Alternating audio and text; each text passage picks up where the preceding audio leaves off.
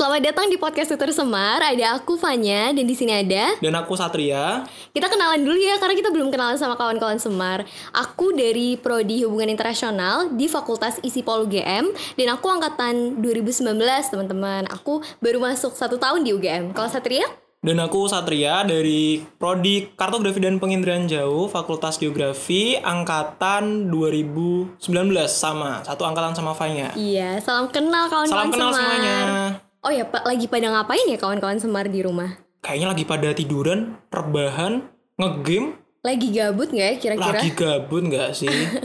sama mungkin beberapa ada yang kayak nyolong-nyolong keluar gitu. Iya nih, mungkin karena udah new normal, jadi New uh, mungkin normal. ada banyak teman-teman juga yang udah pergi sesekali. Iya. Tapi jangan lupa buat selalu jaga kesehatan, ikutin protokol kesehatan. Bawa masker, jangan bawa lupa cuci masker, tangan. Selalu cuci tangan, gitu sih ya untuk kita pergi-pergi karena masih dalam konteks pandemi. Oh iya, uh, kalau dari yang aku lihat sih beberapa nggak cuma gabut di rumah, ada juga yang sebenarnya lagi pada stres nih karena nungguin hasil ujian. Oh iya, terus Iya. mendadak religius ya. Iya mendadak benar-benar. sholat sunnah sholat duha sholat tahajud sholat Iya. hajat zikiran all the day gitu kan Iya, tapi nggak apa-apa sih itu wajar juga. Wajar juga, Banyak ya. teman-teman yang eh, sekarang lagi menunggu hasil UTBK Hmm. eh, untuk hasil SBMPTN-nya yang akan diumumkan tanggal 20 20 Agustus, ya. Agustus iya bener banget Iya, yang iya. semoga aja keterima di jurusan yang kalian inginkan Iya. Terus eh, kalau yang dari aku lihat nih di medsos juga banyak banget bahasan soal masuk kuliah. Salah Iya. satu yang lagi trending dan banyak dibicarakan nih soal salah satu public figure yang terkenal. Dan dia ngomongin soal pentingnya pendidikan tinggi atau kuliah. yang Siapa kita tuh? kutip ya dari situ ya Iya, bener. Hmm, siapa tuh Public figurnya adalah Cinta Laura. ya kita mau nyebutin inisialnya padahal nggak apa-apa cinta Laura kill Iya, public figure yang terkenal eh, karena dia emang pinter banget. Cantik. Dia, dia pinter, cantik. dan juga Dia aktris, Aktris, singer, ya. model. Eh, dan mungkin teman-teman juga udah tahu soal bahasannya soal masuk kuliah. ya Kenapa sih penting buat masuk kuliah atau eh, mengenyam pendidikan tinggi? Itu jadi salah satu bahasan yang penting terutama buat teman-teman yang lagi menunggu hasil ujian untuk masuk kuliah. Jangan sampai teman-teman yang mendaftar kuliah ini malah nggak tahu pentingnya kuliah. Iya. itu parah banget sih. Tapi mungkin kok dari kita eh, sebagai salah satu pesan juga ke kawan-kawan Semar baik yang masih menunggu hasil ujian untuk masuk kuliah atau yang masih di bangku SMA atau SMP bahwa memang pendidikan, pendidikan tinggi itu penting banget. Penting banget. Bukan ya. cuma buat kalian nantinya nantinya dapat gelar sarjana karena lulus dari universitas tertentu, tapi juga eh, buat bener-bener kalian meningkatkan hard skill dan soft skill kalian. Dan yang buat paling penting ini sih ya, ya. pola pikir sih kalau Ah, iya, iya. Iya, karena waktu kita zaman SMA mungkin atau SMP, kita tuh masih kayak kekanak-kanakan. Iya, iya. Jadi materi paling penting waktu kawan semar sekalian ini udah masuk kuliah, waktu apa namanya ospeknya itu lu susah banget cari kata ospek tuh. Nah itu tuh bakal dikasih uh, materi tentang perbedaan mahasiswa sama siswa. Nah Iya, itu bener. perbedaannya adalah di kedewasaan dan pola pikir. Iya. Itu. kuliah itu membantu kita membentuk pola pikir, tapi juga membantu kita nambah wawasan, terus eh, tentunya nambah ilmu ya, karena yang kita pelajarin bakal berbeda Bener dari banget. SMA atau. SMK Beda banget. eh, dalam bidang yang benar-benar baru sesuai dengan minat dan passion kalian. Dan udah khusus Iya, iya. jatuhnya, udah penjurusan. Nah, eh, jangan sampai teman-teman semua waktu mau masuk kuliah cuma mikir eh, pentingnya kuliah tuh supaya dapat gelar sarjana aja atau supaya orang tua cukup bahagia karena udah melewati sarjana. Karena yang paling penting adalah eh, soal beberapa alasan tadi buat kita meningkatkan kemampuan diri, meningkatkan eh, skill juga, terus eh, buka wawasan yang lebih luas lagi, mengubah pola pikir supaya lebih dewasa. Karena tentunya eh, setelah kuliah masih ada eh, tahap selanjutnya yang harus dilawatin ya. Iya. Masih ada karir kita. Karir yang paling penting tuh karir sebenarnya. Iya, yang paling penting itu karir Iya. juga karena itu akan long term banget. Iya. Buat selanjutnya bakal banyak banget hal-hal yang unexpected yang bakal terjadi dan Hmm. eh, pengalaman-pengalaman dari kuliah eh, itu pasti bakal helpful banget membantu kita Membantu di masa kita depan. untuk di masa depan. Dan Jangan- jangan lupa uh, buat persepsi ini jangan cuma jadi penting atau kalian ingat karena lagi trending doang. Ini persepsi ini harus jadi uh, persepsi yang selalu ditanamkan di kalian yang lagi mencari kuliah atau akan mencari kuliah nantinya atau bahkan yang sedang menjalankan kuliah. Bener nggak Sat? Bener banget. Nah, jangan sampai teman-teman tuh stuck di pemikiran aku berhenti di kuliah aja karena Iya. perjalanan kita tuh masih panjang. Aku sama Fanya juga masih panjang di sini. Jadi yang paling penting adalah setelah kuliahnya sebenarnya di kehidupan nyata gitu. Sebenarnya kuliah juga kehidupan nyata sih ya. Iya. Tapi kayak di pengabdian masyarakatnya gitu kali ya. Benar-benar. Karena kan seperti yang kawan Semar sekalian dengarkan, kami kan dari UGM nih. Nah, jadi jargonnya UGM itu bukan jargon sih, kayak julukannya UGM itu kampus kerakyatan. Kamu tahu nggak sih Nya? Iya benar. Nah itu tuh Kampus yang kerakyatan. menggambarkan bahwa kita tuh harus berperan aktif dan apa ya kita harus berkontribusi untuk masyarakat banyak Iya, dan benar. itulah yang harus kita lakukan besok setelah kita lulus. Benar benar benar. Anyway, buat teman-teman yang bingung cari kuliah, kayaknya kita bakal ngulik tentang jalur-jalur masuk kuliah yang tentunya berdasarkan pengalaman kami. Jadi kita no bullshit gitulah ya. Jadi mungkin yang pertama kayaknya teman-teman udah pada familiar dengan jalur masuk ini yaitu SNMPTN. Siapa sih yang nggak tahu SNMPTN? Tapi kita semua kan nggak terus pun punya kesempatan yang sama dalam SNMPTN. Contohnya kayak aku dan Fanya di sini, kita sama-sama punya kesempatan untuk mengikuti seleksi SNMPTN karena kita berdua uh, punya nilai 50% paralel sekolah. Nah, lalu gimana kalau misalnya teman-teman yang di bawah itu? Berarti teman-teman harus ngikutin seleksi yang selanjutnya yaitu SBMPTN. Iya, SBMPTN. Kalau SBMPTN kan sistemnya pakai ujian dulu. Ujian tulis berbasis komputer, jadi memang harus mengikuti ujian itu, kemudian masukin pilihan prodi yang dan universitas yang kalian tuju, baru di situ hasilnya akan keluar. Nah, kalau UTBK ini eh, karena udah lewat juga ya, karena Mm-mm. udah dua sesi kemarin berjalan dan eh, itu di tengah pandemi juga. Mungkin buat Tinggal ini deg-degannya doang nih Iya, nunggu pengumuman. ini sekarang deg-degan. Mm-mm. Karena masih pengumuman sampai tanggal 20 Agustus. 20 Agustus. Nah, kalau SBMPTN ini secara general memang kesempatan paling besar buat kawan-kawan Semar eh, masuk kuliah. Karena bener-bener ini ya kayak kita nunjukin kemampuan kita melalui tes itu ya. Iya, benar-benar. Kalau dari pengalaman kamu sendiri dulu gimana ya waktu UTBK? Eh, kalau UTBK, kalau tahun lalu kan ini ya, kalau tahun ini hanya TPS. Kalau dulu ada TPA dan TPS. Eh, tentu belajarnya berbeda sama teman-teman sekarang karena kalau belajar dulu kita benar-benar menyeluruh.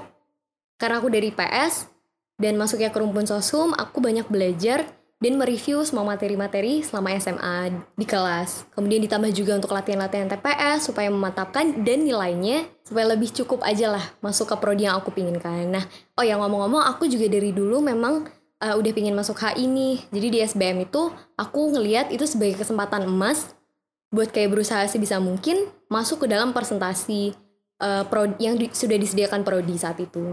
Dan tentunya kalau SBMPTN karena ini jalur yang uh, paling terbuka, ya secara general bisa diambil sama semuanya, bahkan buat kawan-kawan Semar yang uh, mau mengulang atau tahun lalu belum dapat, SBMPTN ini memang benar-benar kesempatan emas. Jadi kita semua melihat uh, ini now or never lah istilahnya. Iya. Eh, kalau dari UTBK sendiri berarti kuncinya adalah nyoba nggak sih? Nyoba. Kita harus latihan soal, kita harus latihan ngerjain Iya, apa pertanyaan. Kalau dulu apa sih namanya TPA ya?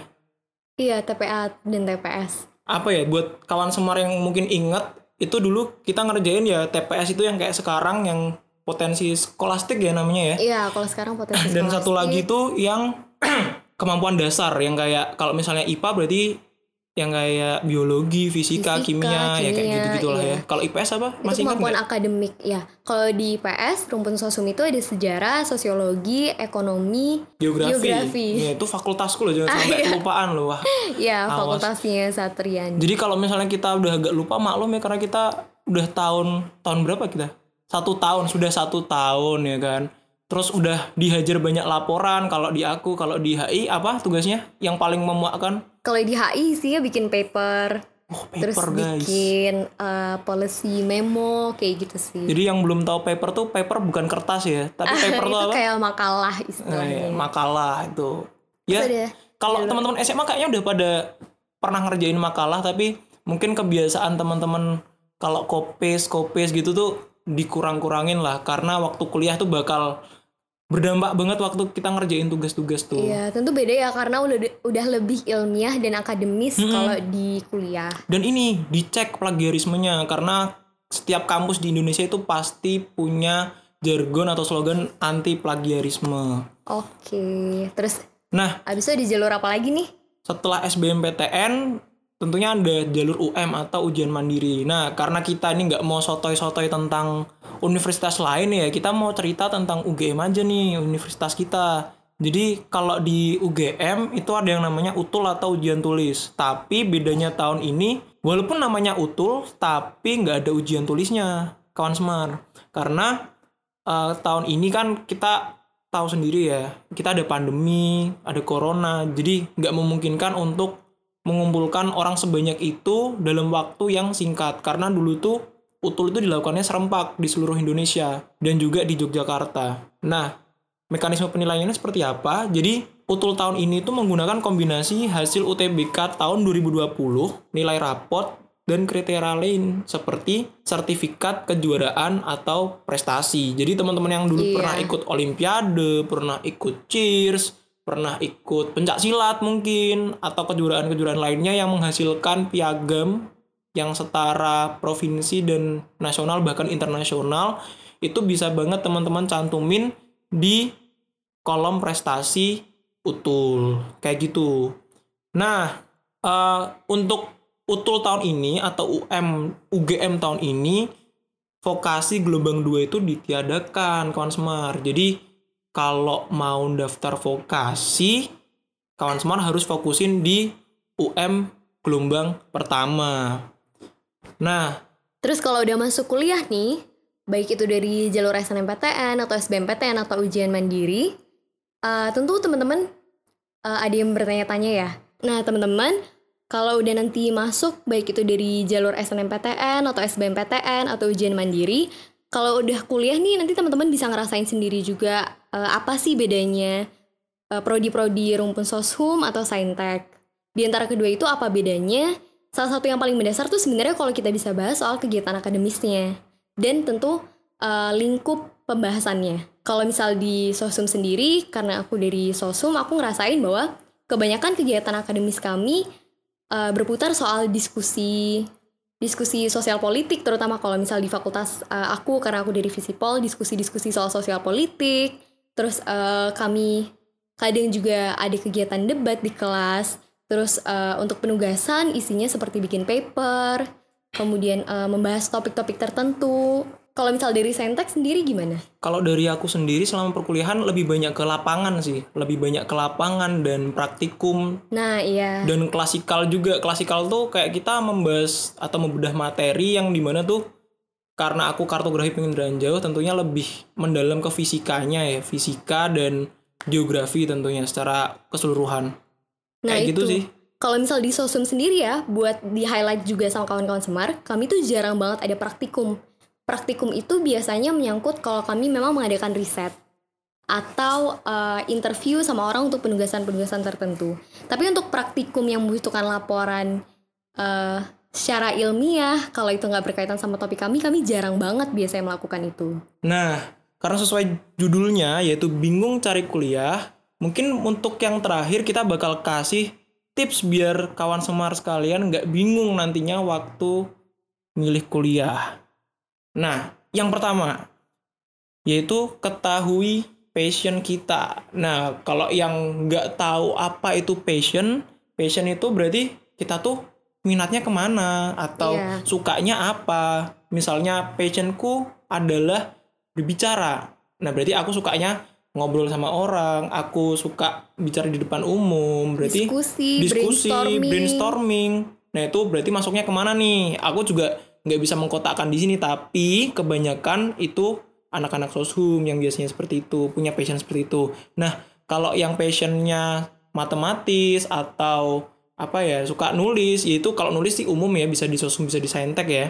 Eh, misalnya suka lapangan misalnya itu bisa banget masuk ke saintek bisa di teknik bisa di agro bisa di geografi dan lain sebagainya Nah, buat tips yang kedua itu soal lokasi kampus, teman-teman. Ini berkaitan sama pertanyaan, kalian mau kuliah di dalam kota atau mau ngerantau nih. Nah, kalau bicara soal ini, memang memang banyak pertimbangan yang harus diperhatikan ya, karena pilihan ini nggak dibuat sendiri, alias bareng juga sama orang tua dan keluarga terdekat.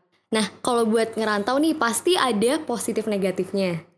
Positifnya misalkan, karena ngerantau itu nanti kalian eh, jauh dari rumah, kita jauh dari rumah, tentu kita bakal lebih ngelatih tanggung jawab, terus eh, harus bisa ngontrol atau ngatur semua semuanya sendiri karena kalau kalian ngerantau nggak cuma belajar jauh dari rumah tapi juga hidup hidup jauh dari rumah dan tentu itu nggak mudah tapi karena eh, itu bakal dilawatin nggak cuma dalam waktu yang singkat paling tidak tiga tahun lah ya tentu eh, persoalan ngerantau dan nanti buat karir kalian selanjutnya bakal terbantu banget dengan belajar mandiri dari ngerantau itu Pastinya ya. Iya, kalau eh, selain itu juga kalau ngerantau kita bisa tahu eh, tempat-tempat baru, terus kita Mm-mm. bisa bisa explore daerah iya baru. bisa lah. explore serunya juga kalau sama teman-teman eh, pasti bisa lebih Bisa dekat. lebih deket. Nggak karena cuma jadi kuliah keluarga pulang, pulang, baru, pulang. iya. Iya. heeh. Jadi keluarga saudara baru. dan keluarga baru sama teman-teman di kuliah atau di luar kuliah. Ini contohnya kayak kita nih, jadi tergabung di Ormada, organisasi mahasiswa daerah asal kota Semarang. Iya, benar-benar. Terus kalau negatifnya, eh, mungkin nggak semua orang bisa langsung terbiasa sama hidup sendiri. Mm-mm. Terus lagi-lagi nggak cuma soal ngatur eh, yang secara teknis ya, bahkan ngatur keuangan pun bakal jadi tantangan sendiri kalau kita udah ngerantau. Iya dan itu kita kayak belajar dari kehidupan kita cara ngatur keuangan itu seperti apa. Jadi nggak hanya berdasarkan Google cara mengatur keuangan enggak. Nah, iya. Itu yang bakal kita pelajarin, life skill. Iya, dan mungkin ada struggle juga eh, dari keluarga, seperti apa yang di apa yang diekspektasikan oleh keluarga. Eh, jadi memang banyak pertimbangannya, positif negatifnya soal ngerantau. Eh, tadi ya itu kalau negatifnya mungkin nggak semua orang bisa langsung terbiasa dan butuh waktu yang lama juga buat membiasakan. Jadi eh, kalau dari aku sih, saran aku buat mulai dari sekarang, silahkan kalian eh, coba cari-cari tahu dulu kalau lokasi kampus di sini itu eh, lokasi di sini daerah sini ada kampus apa aja terus eh, kalian kira-kira kalau dikaitin sama passion kalian kira-kira bakal milih prodi dan universitas yang mana Mm-mm. Dan yang pasti ini sih antara kalian tuh mau ngerantau atau enggak dan boleh ngerantau atau enggak. Mungkin kembali ke poin pertamanya Fanya tadi ya karena uh, ujung-ujungnya kalau kalian udah mapping jauh-jauh ya kan, udah memetakan sampai jauh-jauh, kalau ternyata kalian nggak diperbolehkan misalnya sama orang tua Iya. buat ngerantau kan, ya jadi pastiin dari diri kalian sendiri apakah kalian kalau harus ngerantau siap atau enggak dan siapin juga pilihan kalian bakal ke mana aja kalau kalian boleh atau nggak boleh ngerantau silahkan petakan sesuai dengan passion kalian sesuai dengan lokasi kampus yang kalian tuju jadi kalian punya uh, pilihan pendidikan yang terbaik buat pendidikan tingginya Oke, jadi gitu poin yang kedua. Sekarang poin yang ketiga, yaitu cari tahu tentang kampus yang akan kalian tuju. Nah, buat cari tahu ini ada banyak nih yang harus kita cari tahu. Yang pertama, jelas mata kuliahnya apa aja, kurikulumnya seperti apa. Jadi hal-hal kayak gitu tuh bisa teman-teman akses di biasanya di website masing-masing program studi ya itu nanti teman-teman akses di bagian kurikulum dan mata kuliahnya. Nah, cocok nggak sama passion teman-teman nanti? Kalau ternyata cocok, ya teman-teman itu kembali ke poin yang kedua yaitu petakan. Terus abis mata kuliah, ini UKT, ini walaupun sensitif, tapi menurutku ini poin yang nggak bullshit sih karena jangan sampai kita masuk ke jurusan atau prodi ya yang ternyata kita sendiri keberatan untuk menyelesaikan pembayaran UKT-nya iya atau nggak cocok sama atau nggak cocok sama kondisi ekonomi. Tapi ada tapinya, ini ada solusinya kawan Semar.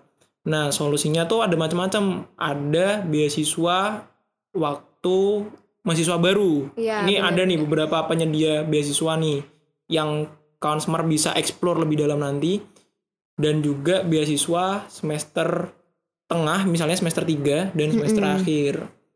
Dan tentu aja aku juga rekomendasiin ini sih, tapi kalau kawan Semar pengen ya kayak kawan Semar tuh nyambi lah, nyambi atau part time tuh kayak banyak banget di luar sana. Bahkan eh, diaspora-diaspora Indonesia yang ada di luar sana itu juga mereka part time seperti Iya. itu. Tapi kita nggak merekomendasikan ya. cuma kasih pandangan aja itu bisa jadi sebenarnya kalau soal part time banyak juga dari aku dan teman-teman di kuliah ngerasa ya itu sebenarnya juga permulaan buat kita berkarir iya di mana kalian atau kita memulai part time itu nggak jadi masalah kok karena sebenarnya karena kita pengen belajar etos kerjanya, pengen belajar kerja sama orang-orang lain atau kerja dengan uh, orang-orang dengan uh, rank atau posisi yang memang lebih tinggi Iya. buat kerja sama dan komunikasinya. Sebenarnya itu kultur yang uh, ya mungkin nanti bakal beda kalau di kuliah. Dan beda juga untuk lingkungan masing-masing ketika kuliah. Tapi itu kultur yang memang kalau kita lihat sekarang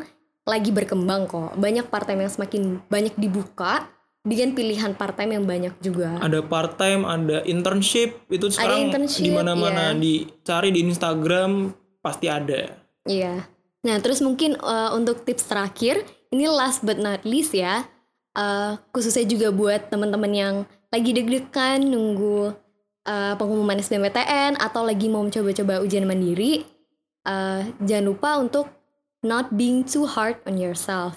Nah, artinya apa tuh? Maksudnya apa tuh? Jadi Hard itu keras maksudnya gimana sih ngartiinnya Uh, maksudnya adalah uh, ini salah satu poin penting yang kadang kita suka lupain bahwa kita oh iya jangan iya. terlalu keras sama diri sendiri jangan Hmm. terlalu um, jangan terlalu menganggap diri kita selalu gagal atau selalu ngelakuin yang nggak cukup Oh, oke. dalam setiap langkah jangan lupa buat tetap apresiasi diri sendiri walaupun nggak perlu berlebihan bersyukur juga sama pencapaian sekarang dan terus kerja keras buat ke depannya tapi jangan sampailah sampai stresnya atau frustasinya Hmm. itu nggak berujung terus jadi uh, negatif banget jadi bikin negatif vibe gitu Iya, ke orang-orang di iya. sekitar kita karena ini emang perjalanan yang berat masuk kuliah itu nggak mudah karena banyak banget faktor ya termasuk jumlah universitas yang ada di Indonesia kita nggak munafik ya berat ya ternyata iya ya jadi memang kompetitornya itu pasti Mm-mm. banyak banget Banyak dan banget, kompetisinya mm-mm. sengit tapi jangan sampai di perjalanan yang kompleks ini kalian jadi kayak kehilangan sense of self gitu loh jangan Iya. sampai kalian ngerasa em, kalau gagal sedikit jadi kayak nggak bakal berhasil selamanya itu bener-bener nggak that's not the equal gitu loh kalau kalian gagal sedikit ya udah silahkan eh, Coba coba, lagi, lagi, ya. iya coba Hmm. lagi terus kayak pertahanin semangatnya jangan sampai ngerasa ini perjalanan yang sia-sia dan balik lagi ke poin klise yang awal kuliah cuma buat dapat gelar sarjana. Nah itu karena itu salah banget ya salah Iya. kaprah itu karena harusnya tuh kuliah tuh lebih dari itu gitu. Iya termasuk prosesnya juga termasuk ya Sa. prosesnya juga. Karena apa ya banyak banyak orang yang bilang tuh bahwa kita tuh harus menghargai prosesnya juga. Iya bener-bener kalau uh, teman-teman pendengar sekalian pernah gagal dan sebagainya nikmati aja prosesnya. Kayak misalnya aku sama Fanya tadi cerita Fanya juga masuknya lewat SBM berarti kan dia juga udah pernah mengalami kegagalan di SNMPTN iya. Tapi apakah Fanya langsung ngedown? Kan enggak langsung dia ngepush di SBMPTN-nya Iya. iya. Sebenarnya tetap take your time uh, untuk grief untuk tetap bersedih karena itu juga emosi manusia. Iya, silakan bersedih. manusiawi. nggak mungkin lah kalian gagal untuk hal yang besar langsung ketawa-ketawa. iya. Aku gagal. Langsung ketawa-ketawa semalam ya enggak sih. Enggak dong. Dan wajar juga kalau misal ada beberapa yang butuh waktu lebih lama buat recover. Hmm. jadi belajarnya masih terlunta-lunta selama beberapa hari atau kadang Iya. bahkan seminggu dua minggu kita paham. Tapi balik lagi kalian tetap inilah eh hargai emosi itu tapi jangan stuck di situ. Jangan stuck. Karena kalian manusia yang masih harus kita harus move on kita harus move forward move forward Mungkin kalau dianalogiin sama pegas ya atau per buat kawan semar yang tahu ya per itu semakin ditekan itu harusnya lentingannya harus semakin tinggi. ya benar Jadi jangan sampai ditekan malah ambles atau nggak nggak membal lagi. Nah Iya. teman-teman sekalian tuh harus bisa kayak per semakin ditekan pantulannya semakin tinggi. Oh iya sama uh, ada salah satu yang penting juga nih buat nggak punya uh, crab mentality. Gimana Apa tuh? tuh? Itu kayak mentalitas kepiting. Mungkin teman-teman di juga pernah dengar karena ini juga sempat dibahas nih di media-media mainstream. Mm-mm. Kenapa kalau kita sering ngelihat orang lain berhasil, kita ngelihat orang lain sukses, Hmm. kita nggak kita selalu ngerasa iri dan nggak menghargai mereka jadinya. Jangan sampai kayak gitu. Hmm. Ini juga dalam kesempatan masuk kuliah kan banyak ujian yang dilewatin kan Hmm. ada yang ngambil ujian yang sama dengan yang lain, ada yang enggak. Ada yang ujian mandiri ke swasta atau negeri, ke mana pun yang kalian mau atau orang-orang mau, dan mereka memang dapat kesempatan itu, hargailah mereka terus kayak ucapkan selamat ke mereka tapi jangan ngerasa kita nggak mampu terus Iya, kayak kita jadi sih. selalu iri Iya, benar. balik lagi karena kita manusia mungkin mereka yang berhasil juga udah pernah ngerasain gagal Iya. jadi semua punya lotnya punya waktu dan kesempatannya nggak selalu semua era adalah era kita Betul banget. Jadi mungkin itu ya tips dari kami berdua mengenai gimana sih kita dalam menentukan kuliah dan yang paling penting sih tadi apa namanya Don't klimaksnya kita. hard. Nah itu Don't dia. be too Don't hard be too hard. yourself. Nah, karena mental, kesehatan mental, kesehatan jiwa itu sangat penting, penting, sih. Mm-mm. Kalian masuk ke misalnya universitas ternama di Indonesia tapi eh, kesehatan jiwanya kita terganggu itu juga nggak baik banget. Iya iya. Oke. Nah itu sih kayaknya kita udah ngobrol cukup lama ya nih. Iya kasihan kuotanya nanti pada habis nanti. Mm-mm. Tapi semoga menikmati semua lah ya. Iya semoga obrolan hari ya. ini. Yang penting isinya. Benar. Oke nah buat kawan-kawan Semar yang ingin mengikuti kami bisa ikuti podcast Tutor Semar di Spotify dan Apple Podcast serta jangan lupa follow akun sosial media kami di Instagram @semargama dan kasih kami komentar, saran dan masukan untuk konten-konten kami. Oke, Bye, sampai, sampai jumpa jumpa. di episode selanjutnya.